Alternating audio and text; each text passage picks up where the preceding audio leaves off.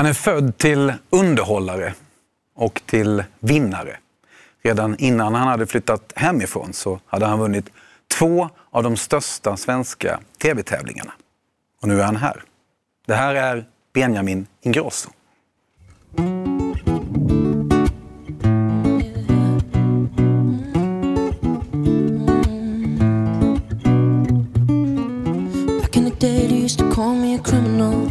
Running from the police, hanging with the homies. Gun in my waist, getting knife to chemicals. I was only 16, kicked out on the streets. My mama told me, if you wanna make it, you better figure out your life before they take it. My mama told me, you gotta be smarter. Or you're gonna end a cell just like your father. Mm. Lord knows I tried so hard. Lord knows I've come so far. And each time I touch the stars, something always brings me back to earth. And I'm back digging in the dirt.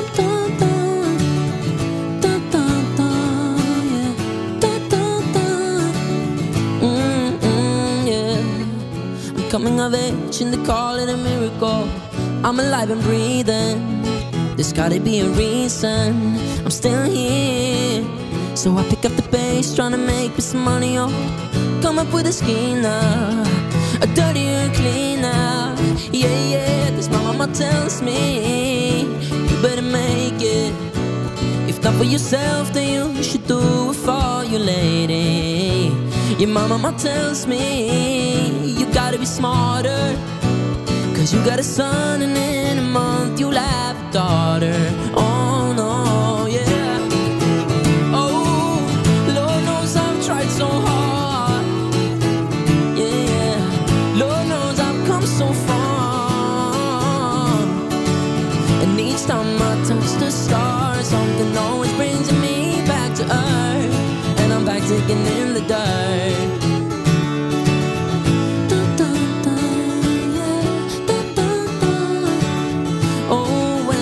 Digging in the dirt. Dun, dun, dun. Dun, dun, dun, yeah. Oh, no. And I'm back digging in the dirt. Mm, yeah. Dun, dun, dun. Dun, da, da, da, da. Handbollshälsning. Snyggt Benjamin. Jag ska lära mig den hårda vägen och det är ju så man hälsar nu när man ska ha ett lagom eh, avstånd. Eh, fint att ha dig här. Tack för att jag får vara här. Tack Ja. snälla. Eh, mycket av samtalet i den här studion har handlat om rädsla för hur läget är. Hur mår du? Alltså jag mår bra. Det gör jag. Eh, just, man, man är, alltså jag tror alla går runt och är oroliga, eh, nojiga och eh, ja, men lite sådär. Alla är väl lite obalanserade just nu och inte riktigt vet vad de ska göra. Och man vet inte hur länge det här ska pågå. och sådär. Så jag, jag tror någonstans att vi lever väldigt mycket i nuet. Mer än någonsin, tror jag. Eh, om vi pratar rädslenivåer. Vad har du tänkt? Vad har du känt? Alltså, jag är väl nog... Det låter väl sådär konstigt att säga, men jag är väl nog rädd för folk runt omkring mig som är liksom i riskzon eller eh, äldre och sådär. Eh, just nu så är väl så här, min farmor och farfar sitter i, i liksom karantän Eh, i Näckrosen. Eh, så de är liksom i en lägenhet där, vilket kan ju vara jobbigt och, eh, och inte ta sig ut någonstans. Mormor och morfar de är i Nerja i Spanien. De har det lite skönare, de har ett hus och de har en pool som de ändå kan gå runt omkring. Men de börjar ju liksom få panik där borta också. Och där är det verkligen, liksom, där får du ju inte ens eh, gå utanför dörren om du inte ska handla och då blir det feta böter. Liksom. Så eh, ja, och sen min pappa bor i Spanien så han måste också sitta inne. Så det, jag har många i släkten som liksom inte ens är i Sverige just nu. När såg du dem senast? Alltså mormor och morfar såg jag senast, när var det? I, eh, ja, i oktober, tror jag. Eh, de brukar ju vara där rätt länge. De brukar komma hem eh, innan sommaren. Liksom. Så de skulle ändå ha varit där eh, nu. Men, men jag tror att de också får något så att man längtar hem för att de har inte så mycket att göra nu. De kan inte ens gå ut. Liksom.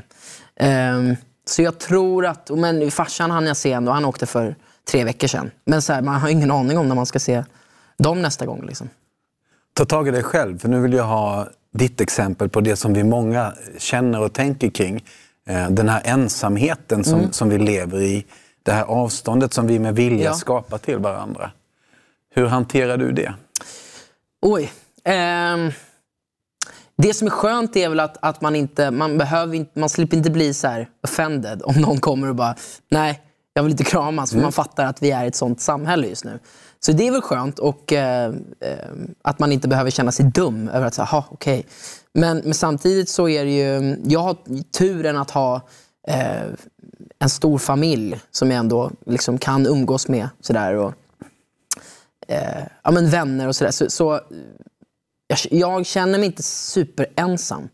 Eh, faktiskt. Och sen, sen har vi liksom, jag tror i början tyckte nog folk att det var rätt mysigt att kunna liksom stanna hemma, titta på en film. Men jag menar, det, det går ju en gräns då det också blir jävligt jobbigt och man bara får så här, man vill ut. Och jag tror att den största skillnaden efter allt det här kommer nog vara att man, man kommer nog inte ta för givet att kunna ta en promenad runt liksom, parken eller vad det är. Och det tror jag kommer få folk att känna sig väldigt så här, tacksamma till de här små sakerna som vi tar för givet. Liksom. Ja, man hoppas ju verkligen att vi tar med oss ödmjukheten Ja. Mm. efteråt sen så att vi lär oss någonting. Runt om i världen är det sjukvårdspersonal som sliter för att folk ska överleva. Som ger sitt liv för att andra ska kunna vara kvar i livet. Och Lyssnarhjälpen eh, startades ju på Facebook av våra radiokanaler. Där kan du som behöver hjälp få hjälp av någon som finns i din närhet om du går in där och, och skriver en, en önskan. Benjamin är här för att ge av sin eh, musik eh, och det här samtalet. Men du har också en möjlighet att skänka eventuella pengar till ett ändamål som du väljer. Några som verkligen behöver det. Vad är det för ändamål? Läkare utan gränser. Eh, och det är ju läkare som, eh, som verkligen hjälper till där det behövs som mest just nu i världen. Eh, och Ehm, de som har det svårast just nu är väl ehm, Italien framför allt. Och ehm, jag är halvitalienare så jag hade väl önskat att det fanns fler läkare från Läkare utan gränser som är där och hjälper till. Och just nu är det bara typ 300 pers. Och det är ju mycket, men det behövs ju verkligen fler. Så att, att jag får chansen att kunna sjunga och sen att folk kan skänka pengar, det, det känns eh, superviktigt. Och skönt att man känner sig att man kan vara delaktig i någonting. Liksom. Vad tänker du kring det som har hänt och händer i Italien? Eh, alltså, jag tänker väl just för att italienarna i sig är ett sånt himla sådär, eh, passionerat land och de älskar att gå ut och umgås. Och, eh, och få liksom, de, de är väldigt sådär, älskar att eh, tillsammans, är en väldigt är en väldigt så här, självklar grej för italienare. Söndagsmiddagar, söndagsmiddagar, det växte jag upp med. Och då, liksom har, då har min farmor gjort mat från åtta på morgonen och så sitter man från liksom två på dagen till natten och käkar. Och allt är väldigt sådär, man tar en kaffe på morgonen tillsammans med polare och så säger man hej till varandra och kramas. Och just hela den grejen är ju liksom helt borta nu i Italien. Alla är tvungna att sitta hemma. Och, eh, men det är så fint att se när man sett på sociala medier och folk står på balkonger och, och sjunger. Och, eh, de har ändå en väldigt så här, fin eh, gemenskap. Eh, och jag tror att så här, Italien som land lär nog bli otroligt mycket starkare efter det här. Liksom. Och man, man, ja, den lilla delen som är italienare i mig blir sådär stolt. Och, eh, och just att, ja, det känns, känns ju hemskt att det ska behöva vara så här. Liksom. För att eh, kunna undvika döden så krävs det sjukvårdspersonal på, på många eh, ställen. Läkare utan gränser är en organisation. Vill ni vara med och, och bidra till den här så är Benjamin och vi andra väldigt, väldigt glada. Det är bara att swisha det numret som ni ser i bild så öronmärks de pengarna för det ändamålet. Och, det är för de som gör det som Benjamin sjunger lite extra den här gången.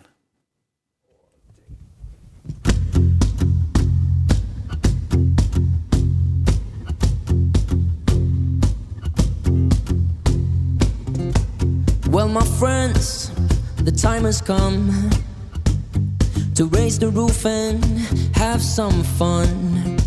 Throw away the work to be done and let the music play on. Everybody sing and everybody dance. Lose yourself in wild romance. We're going to party, caramo, fiesta forever. Come on and sing along, yeah. Going to party, caramo, fiesta forever. Come on and sing my song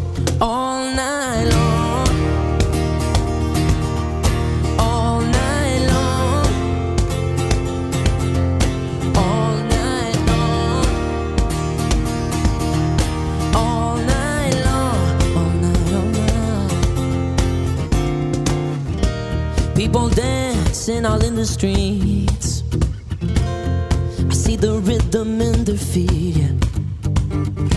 Life is good, wild and sweet. So let the music play on. Oh, I feel it in your heart and feel it in your soul. Let the music take control. Go to party, caramo, fiesta forever morning singing my song.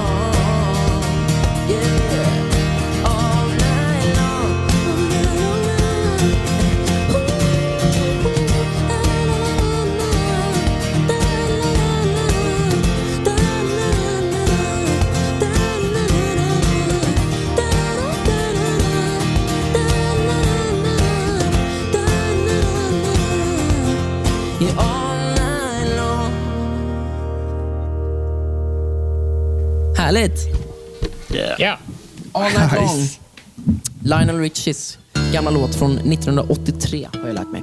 Eh, hej allihopa, Benjamin Grosso heter jag. Eh, det här är mitt band, kallas eh, Blodet. Kallas vi för faktiskt. Eh, Gustav Jonsson på gitarr, skäggigare än vanligt, kallas för Stavo. Viktor Olsén, eh, långhårigare än vanligt och eh, kallas för Noje, OK, eh, Virre. Mm. Nej, jag skulle säga OK. Det är väldigt klassiska. Och sen har vi Andreas Ros. Smalare än någonsin. Smalare än någonsin. Också eh, min trummis, men också min mixare som mixar mina låtar. Och eh, han kallas för Ant-Man. Vi älskar eh, superhjältefilmer, så ni vet nog var Ant-Man kommer ifrån. Eh, ja, ska vi köra en till låt? Nästa heter eh, I'll be fine somehow. Och det, det budskapet kanske eh, är viktigare nu än någonsin. Liksom. Att man får ho- ha hoppet om att det, det kommer nog bli eh, bättre så småningom.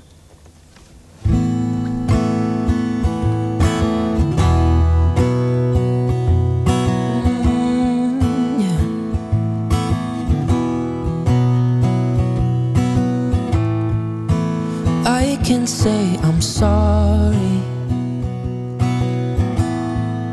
Cause I'm a little insecure. I wanted this for so long. But now I'm not that sure. yeah. I never cried in front of you. Soaked in all these tears. But you can shed one drop for me. Yeah, I read you loud and clear. I miss the way that you feel, but I won't miss the way I felt. And it's gonna hurt when I see you again kissing someone else. Other if I'm better now. Cause you know I'll be fine somehow. And half drunk, feeling sent again.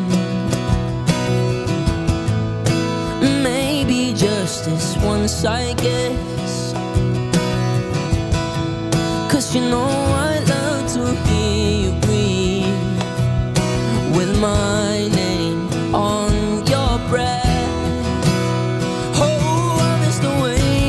feel, but I won't miss the way I felt. And it's gonna hurt when I see you again kissing someone else. You don't have to ask me when we run into each other if I'm better now. Cause you know I'll be fine somehow.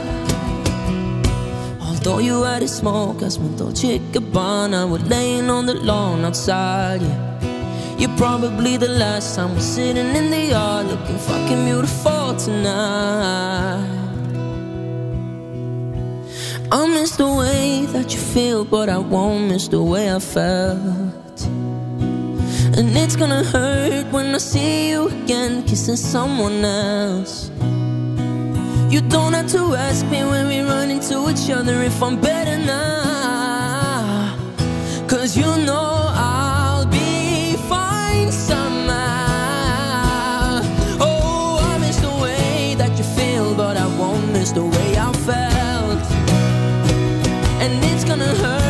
see you again kissing someone else. You don't have to ask me when we run into each other if I'm better now. You know I'll be fine somehow. I can say I'm sorry. Cause I'm a little insecure. Wanted this for so long. But now I'm not that sure yet.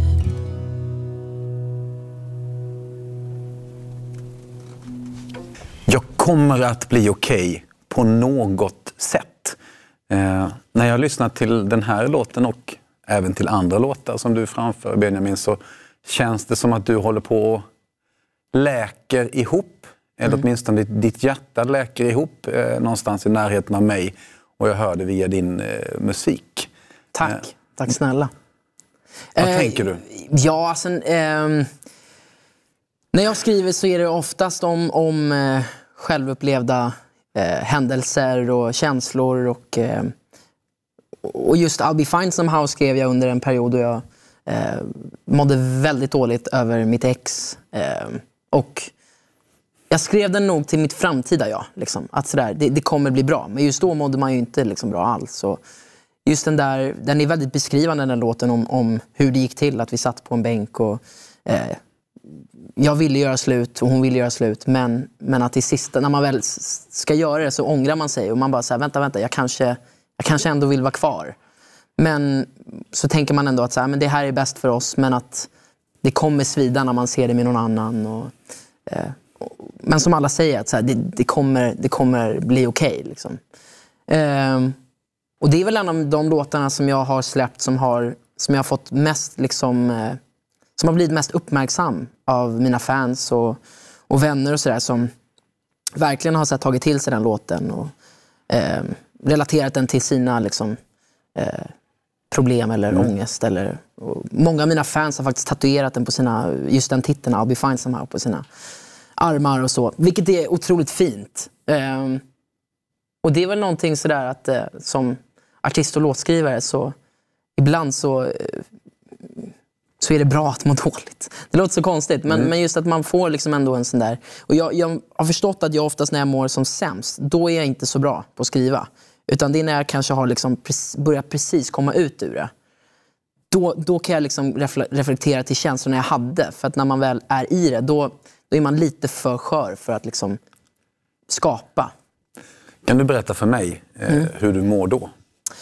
När jag, när jag mår som sämst? Uff, eh, ja, men alltså, då är jag väl liksom väldigt mycket i mina tankar tror jag.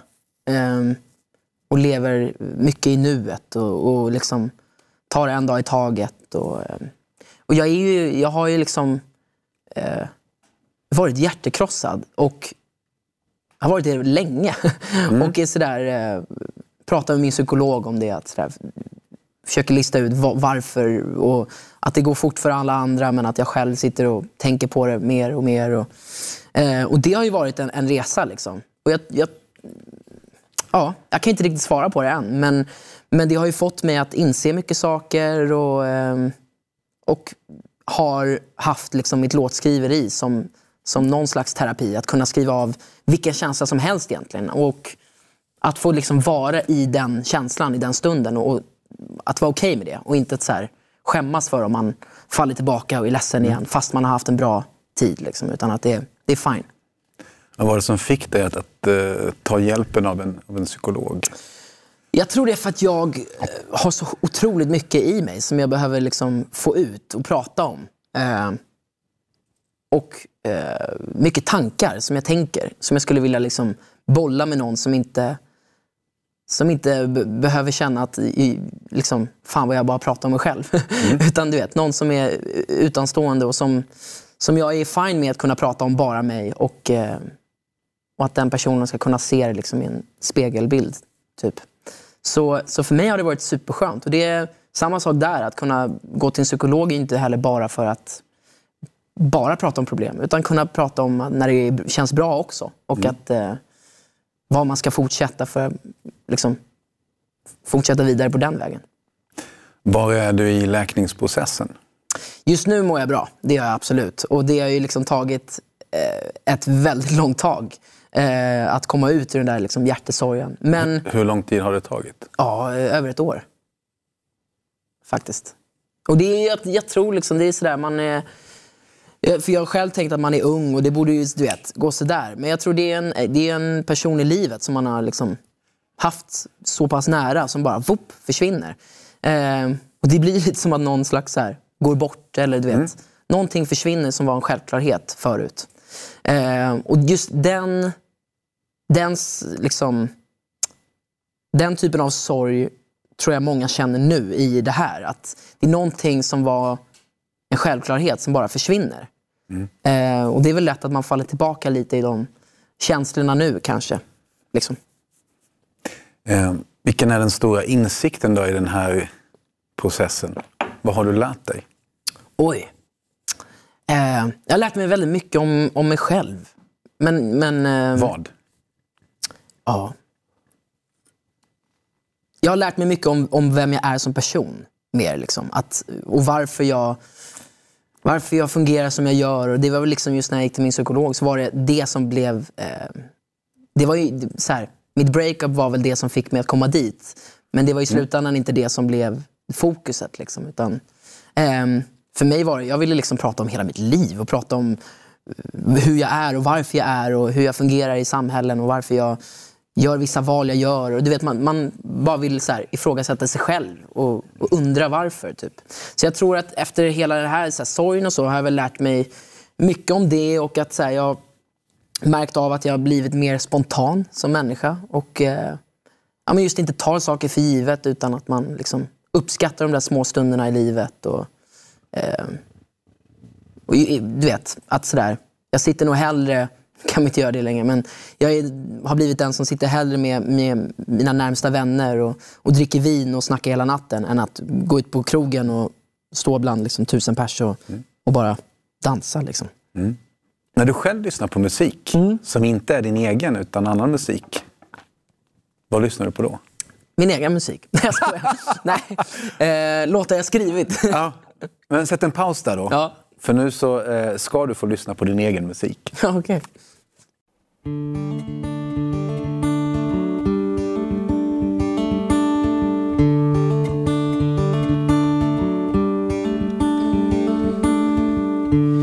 you so damn hard to talk to?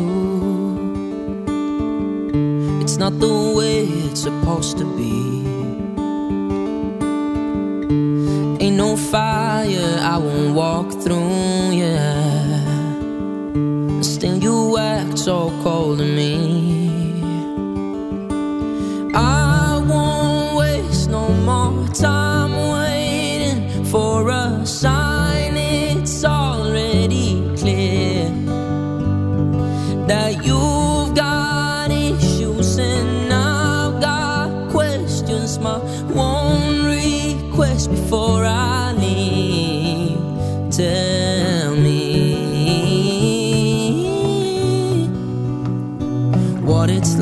To love someone who's always there for you. Tell me what it's like to love someone who gives a damn about you. Cause I wouldn't know. Cause I wouldn't know.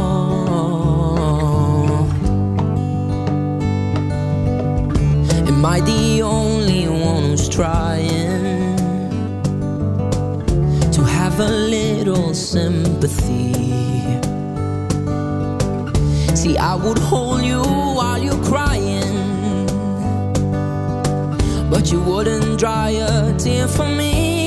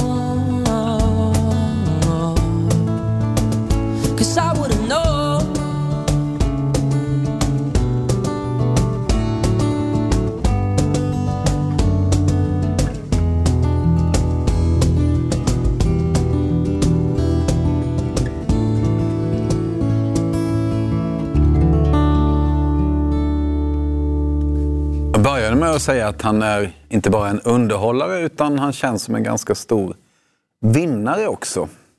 Vunnit Lilla Melodifestivalen, vunnit Melodifestivalen och vunnit Let's Dance. Det är ju tre hyfsat stora tävlingar. Vad betyder ordet vinna för dig? Eh, åh, jag vet inte. Eh, inte supermycket, tror jag. Jag tror att jag, jag, eh, när jag har vunnit de här tävlingarna så har jag eh, haft som mindset att vinna över mig själv och liksom vara bättre än mig själv. Vara så bra som jag bara kan bli. Och att eh, alltid haft att sådär, jag ska känna mig när jag går av scen eller vad det nu är, att man ska känna att man har gjort sitt bästa. Och det tror jag har gjort att de här vinsterna har känts otroligt mycket mer roligare för mig än, än liksom om, om man hade vunnit och känt att man inte ens levererade, tror jag. Många av oss, eh, precis som du har poängterat flera gånger, lever ju i nuet. Eh, Och vi kan inte blicka framåt för vi vet inte så mycket. Utan då blickar man en hel del bakåt. Jag har bläddrat i, i gamla bilder i telefonen Okej. tillsammans med eh, mina barn. Jag visar dem mina 80-talsfilmer som Tillbaka till framtiden och Ghost och alla de här. Nice. Eh, ja, för att visa dem hur det var när jag var, var ung.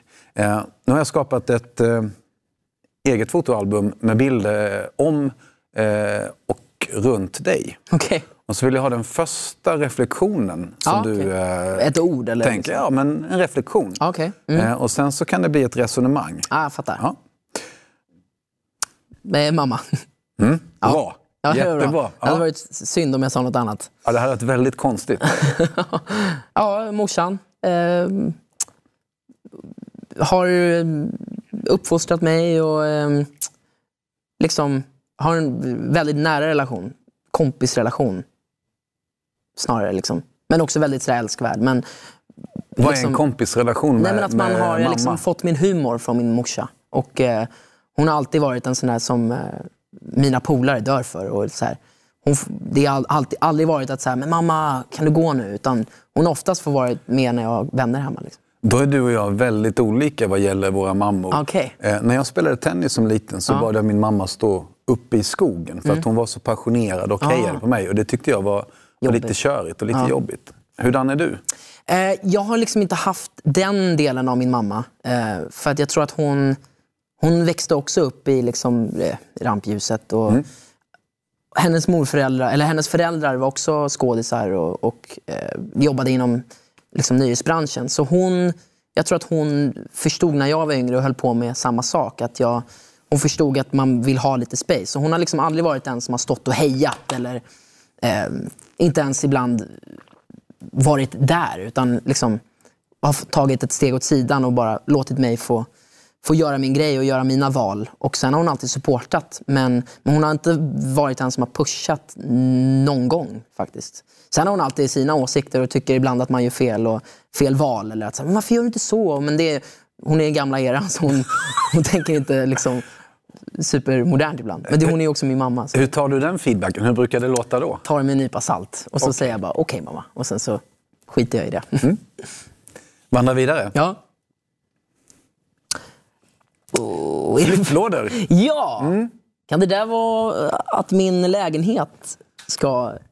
Ja, hur står det till egentligen Ja. med boendesituationen? Jo, så här. Jag, eh, det kan jag säga faktiskt. Jag, jag har en lägenhet som eh, är nästan helt klar.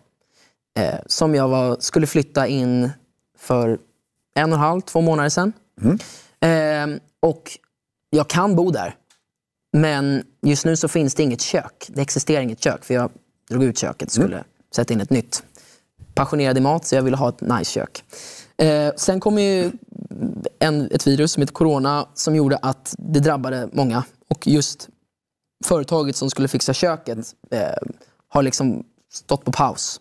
Så just nu så eh, eh, har jag bestämt att jag liksom sover hellre... Jag har fortfarande mitt rum hemma hos min mamma och har bott hos polare. Så jag, liksom pendlar, jag är som en levande resväska just nu och pendlar lite fram och tillbaka mellan dem. Eh, tills, jag, eh, känner, tills mitt kök är klart. Jag, då, är, då vill jag flytta in, liksom, känner jag. Men, Okej. Du, du flyttar hem till morsan igen? Eller flyttar du hem till polan? Nej, men, jag, har bott hos mina polare i ett år. Vi har, liksom bott, vi har bott tre pers i, i en lägenhet. Så lite så här, som så New York- York-style. Ja, vänner. Vänner ja. De är, de är dock ett par. Ja. så de, de är nygifta och eh, ska, få barn. Så, eh, Och har låtit dig bo där? Ja, och jag ska bli gudfar. Så vi, vi är otroligt så här, tajta. Och det, det är liksom gamla barndomsvänner till mig. Eh, och hennes, Melina, då, hennes man Jakob, är, är min bästa vän. Så jag var best man på bröllopet. Och Bianca och Oliver var faktiskt Melinas brudtärnor. Så Okej. det, det är väldigt så här, familjevänner. Eh, nej, men, just varför jag flyttade hem till dem var för att eh, när jag var med om mitt breakup så var det sista jag ville vara att vara själv. Och då fanns de där och liksom, ehm, så fick jag bo, sova över där och bo där. Och till slut så blev det bara att vi trivdes i det. Och sen så drog aldrig därifrån förrän nu. De har inte sagt Nej, tvärtom så var det en gång jag tog resväskan och de blev sura. Så här, Vad fan håller du på med? Du ska bo här. Så, eh, nej men det, Det är bra vänner. Det är, en bra, det är jättebra vänner. Men eh, det- inget illa mot dem eller min mamma eller sådär. Men jag känner mer än någonsin att jag skulle verkligen... Jag har varit sån som är rädd för att vara själv. Alltid. Eh, alltid velat ha Varför folk. då? Jag får liksom panik över att vara själv bland, när det inte är någon här. Men att vara ensam bland folk tycker jag är superskönt. Mm. Så det är, en, så här, det är en blandning. Men just nu känner jag mig eh, jävligt taggad till att eh, ha mitt egna place och ha lite tid för mig själv. Jag köper det. ja. Hur gammal är Back du in nu? the day they used ja. to call me a criminal. Mm, ja, just det. Där har vi. Ja. ja, där har vi den jag sjunger om. Eller hur? eh, hur gammal är du nu? Nio. Ja, där är du nio. Hur gammal är du nu? Nu är jag 22. Eller hur? Mm. 22-årige Benjamin pratar med 9-årige Benjamin. Säger vad till den här eh, lille killen? Åh, jag ger honom bara en kram och är jävligt stolt. Liksom. Gick alltid sin egna väg.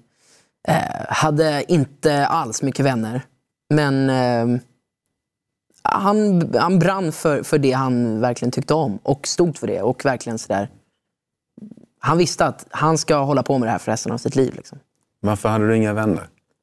Ja, men jag växte upp i liksom en, eh, en skola där det inte var okej att hålla på med musik och dans. Och, ehm, där där liksom det här var, det här var liksom definitionen av ocoolt. Och, eh, hade inte lärare heller som supportade mig. Men, och de som höll på med det här var oftast liksom, ja, men, de var oftast äldre. Så jag, jag är en sån där som alltid, alltid klickat bättre med äldre människor. Och när jag väl hade kompisar då, då satt jag oftast kvar med deras föräldrar i, liksom, efter middagsbordet och pratade med dem i två timmar medan de gick ner och spelade spel. Typ.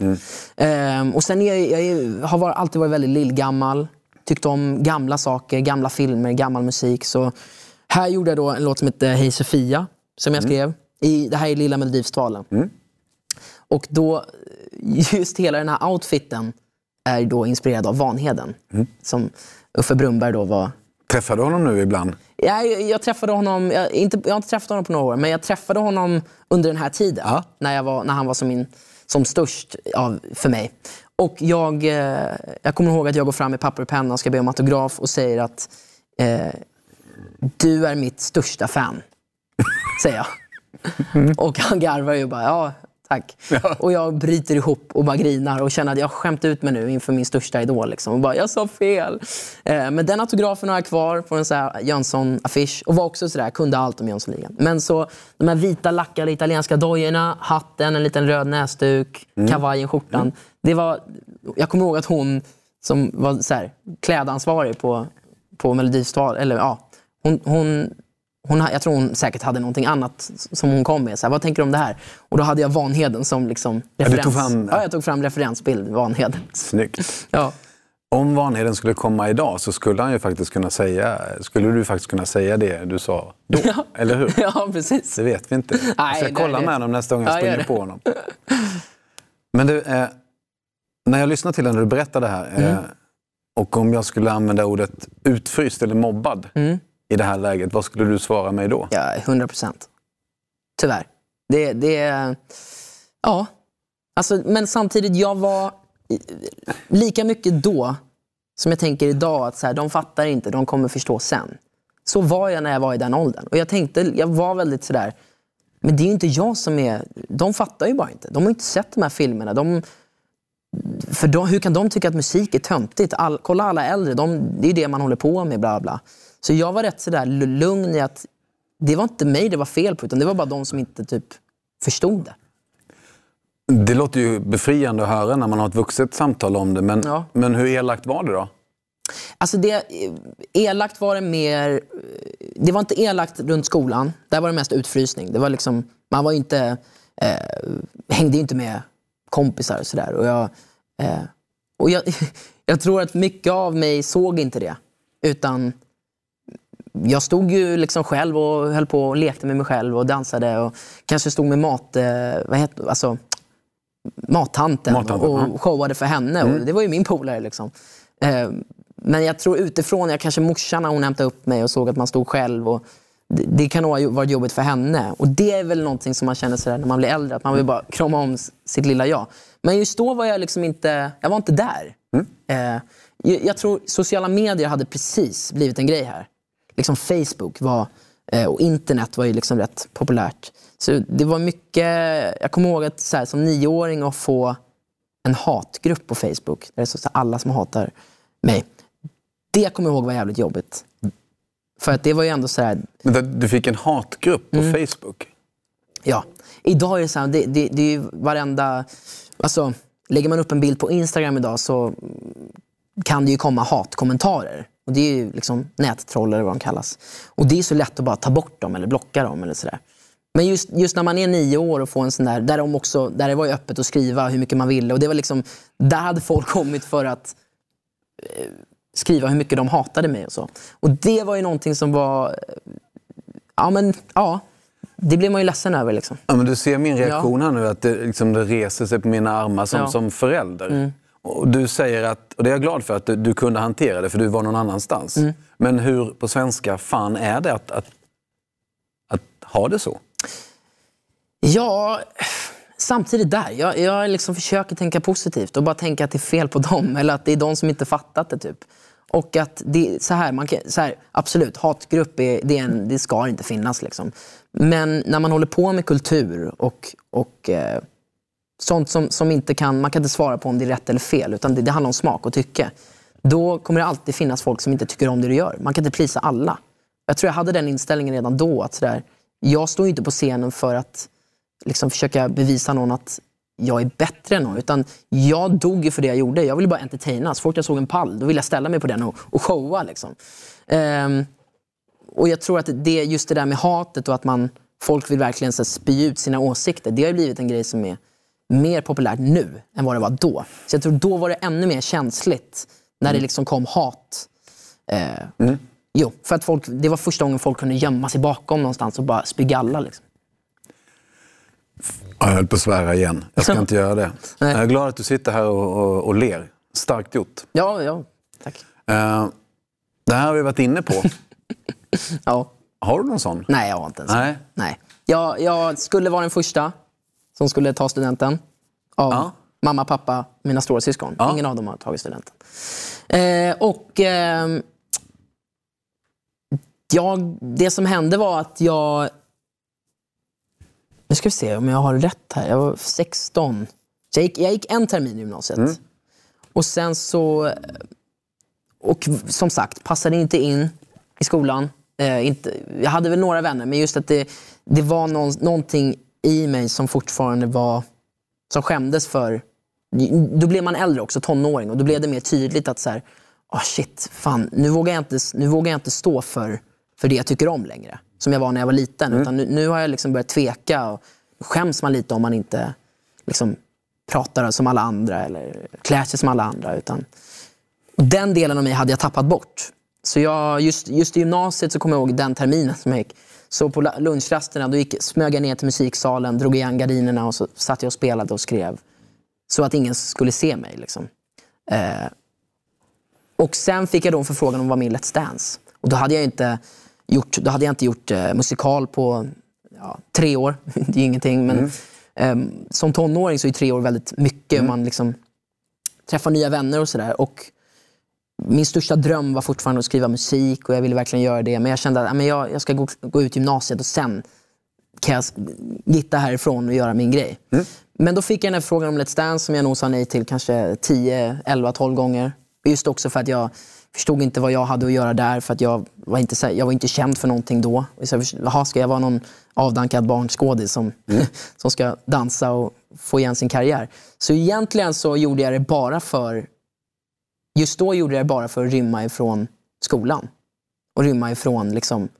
Jag kände att om, om, om det är någon gång jag kommer kunna liksom hitta tillbaka till, till mig själv, då är det att få liksom dansa av med det och få, få umgås med människor som, som inte tycker det är fel att hålla på med dans och musik och så.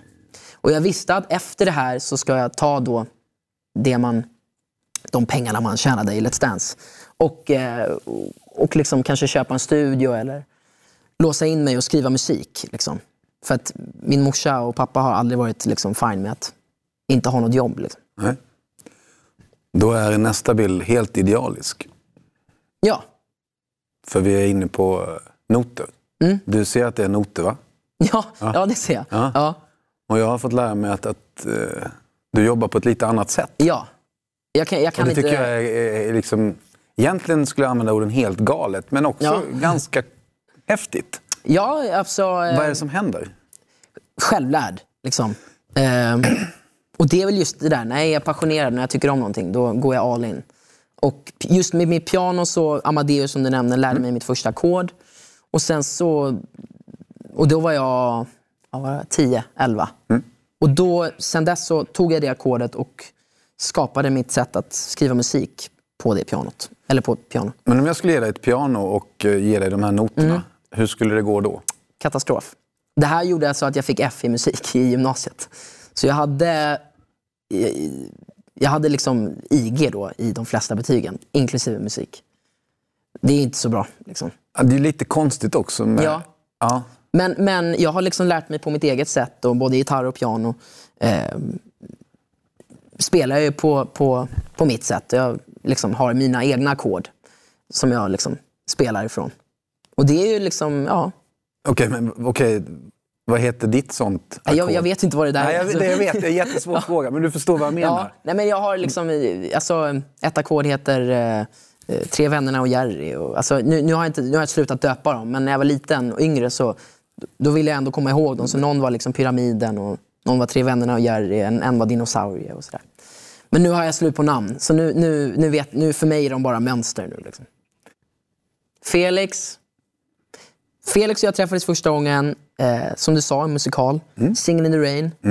Då spelade jag två musikaler just då. Då spelade jag Rasmus på luffen och Singin' in the Rain. Så jag tyckte det var så coolt. Och, eh, liksom, när jag hade gjort Rasmus på dagen så stannade jag kvar medan alla skulle åka hem. För jag har en till föreställning att göra.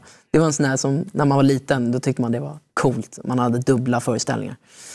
Och Felix spelade då, eh, jag och Felix spelade två eh, huvudrollerna som barn i Singin' in the Rain på Oscarsteatern. Felix var här på mig då, jag var längre. Så jag var liksom, han var en liten, en liten sån där kille. Som man, vi retades mycket. Och, men, men hade passion i musiken. Och, eh, sen tog det några år, så sågs vi inte. Och sen när jag väl blev signad då på TEN, då var de signade på liksom, en annan sida av TEN. Som var pojkbandet, FONO eller Folk Conspiracy. Eller alla 800 namn. Eller hur? Man bytte några gånger. Men då hade ju Felix gått och blivit längre än mig. Och liksom, då, då blev det han någon slags så här, hade han någon sån där storebrors eh, eh, relation. Så vi har, vi, peak, vi har en väldigt sådär, eh, sarkastisk humor med varandra. Hur skulle du beskriva relationen till honom eh, idag? I, idag är den superbra. Eh, vi liksom stöttar varandra. Vi är väldigt bra på att supporta varandra och stötta varandra när det går dåligt och går bra. Och, eh, vi, vi har ju samma passion, liksom musik. Så vi älskar ju att spela låtar till varandra. Och, och, Och ni har gjort det ihop också? Vi har gjort det ihop, absolut. Och just det, vi, fick, vi var med i Melodifestivalen samma år, 2018. Han kom tvåa, jag kom etta. Och eh, eftersom att vi var de enda som hade samma skivbolag där, eller inte de enda, men vi var de enda från samma skivbolag, så blev det att vi umgicks väldigt mycket under den tiden. Och hade gjort innan, men det blev väl bara att sådär, vi, hade, vi kunde luta, luta oss till varandra. Så att när det väl stod mellan oss två i finalen då, så, så blev det som så här, fan vad är det som händer? Ska, det är någon av du och jag som kommer vinna. Och sen så blev det som det blev och så ja, fick vi bara liksom en väldigt fin relation efter det. Det ena ledde till det andra. Jag hade skrivit en låt två år innan som heter Tror att han bryr sig och som hade varit hans favoritlåt i två år. Som han och hans polare hade lyssnat på, demoversionen. Och han sa alltid då att fan, den här ska du och jag släppa någon dag. Och jag bara, tjena, det kommer hända. Och så blev det bara att så här, fan, vi, vi gör det. Vi, vi släpper den här för att vi båda älskar den. Och det fanns ingen liksom, tank, mer tanke över det. Och sen så blev det att vi gjorde en turné ihop. Där vi, liksom, han körde sitt sätt, jag körde mitt sätt och så avslutade vi med Tror att han bryr sig. Och så fick vi liksom ta lite delar från varandra. Liksom. Eh, både fanmässigt men också kunna liksom bryta våra genrer och göra... Jag har ju sett dig på konsert med The Foe. Vi till och med hälsade då. Vi stod på läktaren i Annexet och så var de där nere Ja. när de höll Ja. på som allting. Så att, att, ja. eh, Felix var här eh, tidigare i veckan. Mm. Eh, gjorde samma sak som du har gjort. Eh, och han sa, och jag vet inte på vilket sätt han sa, Okej. men eh, han sa att Benjamin är bra, men han tar mycket plats. Ja. Och det kanske är bättre att han kör själv. ja. Alltså, precis. Alltså, vi, vi är ju båda otroligt mycket energi. ADHD skulle jag gissa på att vi båda har. Han håller på med sin utredning. Jag, så här, jag går ingen utredning, men vi har pratat om mycket liksom, ADHD, jag och Felix. och Varför går du inte på någon utredning? Eh, jag, jag tror att jag eh, liksom känner mig trygg i att jag, jag har, när jag känner att jag, när jag läser om ADHD och sådär. De delarna jag har är oftast, eh, de, de gör mig till den jag är idag. Jag tror att jag, jag, jag gillar så som jag, mitt liv flyter på, så som jag fungerar just nu. När det väl påverkar mig. Som, I musiken då är det superviktigt att jag har mycket energi. För att det är då mina idéer kommer fram. Och oftast kan jag liksom inte, jag liksom går inte från studion när jag känner mig klar. Utan jag sitter oftast kvar fyra timmar till. För att jag vill att det ska bli så bra det kan bli. Och då säger jag som en farbror att det finns en, annan sida också. Mm. Ja. Det som folk kallar för baksidan. Ja. Hur är den? Det är att jag är, eh, liksom kan försvinna i min egna värld och bli väldigt sådär, trött och utsliten. Och liksom, eh, jag är väldigt sådär, antingen eller. om jag inte får i mig mat, då, då, då liksom så här, försvinner jag iväg i, i liksom någon annanstans. Eh, men, men någonting som jag så här, kanske tar tag i senare. Tänker jag. Men Felix är otroligt, eh, otroligt talangfull, en superfin kille som har hjärtat på helt rätt ställe. Eh, tänker mycket på andra. Och, eh, och, och inte bara musik, han är en jävla, jävla bra skådis också. Ja, jag håller med. Du, eh, här har vi eh, anledning till många jobbiga men fina låtar. Mm, ja.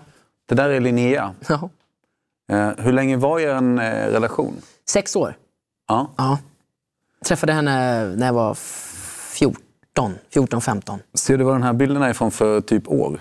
Ja, jag var nog, det där var... Jag ser att jag har spraytannat mig, så jag var nog med i Let's Dance. Okej, ja. ja. Så jag är, väl, jag är väl 16 där. Något år in i relationen då? Ja, vi hade nog varit tillsammans i två, två år där. Ja. Ja. Vad tänker hon kring, kring de låtar som har blivit efter det som var? Vet faktiskt inte. Eh, har ingen aning. Vi pratar inte och hon bor inte ens här längre. Och gått vidare och sådär. Så eh, just, nu, just nu för tiden så, så skriver jag nog inte... Liksom, jag skriver till henne, men jag vet att det inte det är inte det som är det, det slutgiltiga liksom, valet. Utan just, jag skriver mer bara också för att som terapi till mig själv, men också för att andra folk ska kunna relatera. Liksom. Hennes namn nämns i låten Costa Rica. Ja. ja. Du, eh, tack för samtalet. Tack snälla. Ja. Dags för lite vatten. Dags för oss att lyssna på Costa Rica.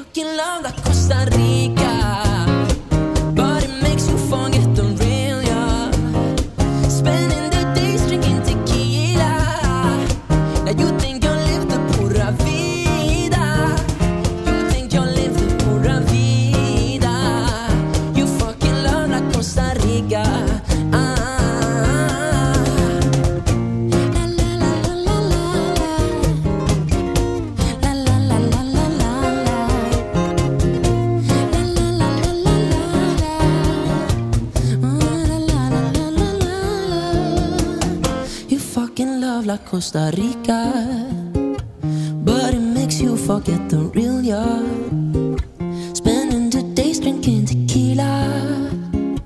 You think you live the pura vida. You think you live the pura vida. You fucking love La Costa Rica.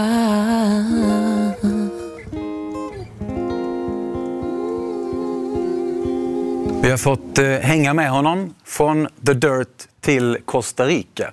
Och vi säger tack till er som har hängt med oss och tack till er som har swishat till förmån för Läkare utan gränser. Det här var eh, Lyssnarhjälpen, Music Sessions med Benjamin Ingrosso. But it makes you forget the real. Spending the days drinking tequila. You think you live the poor of it. Vida. You fucking love la Costa Rica. produceras av I Like Radio. I like radio.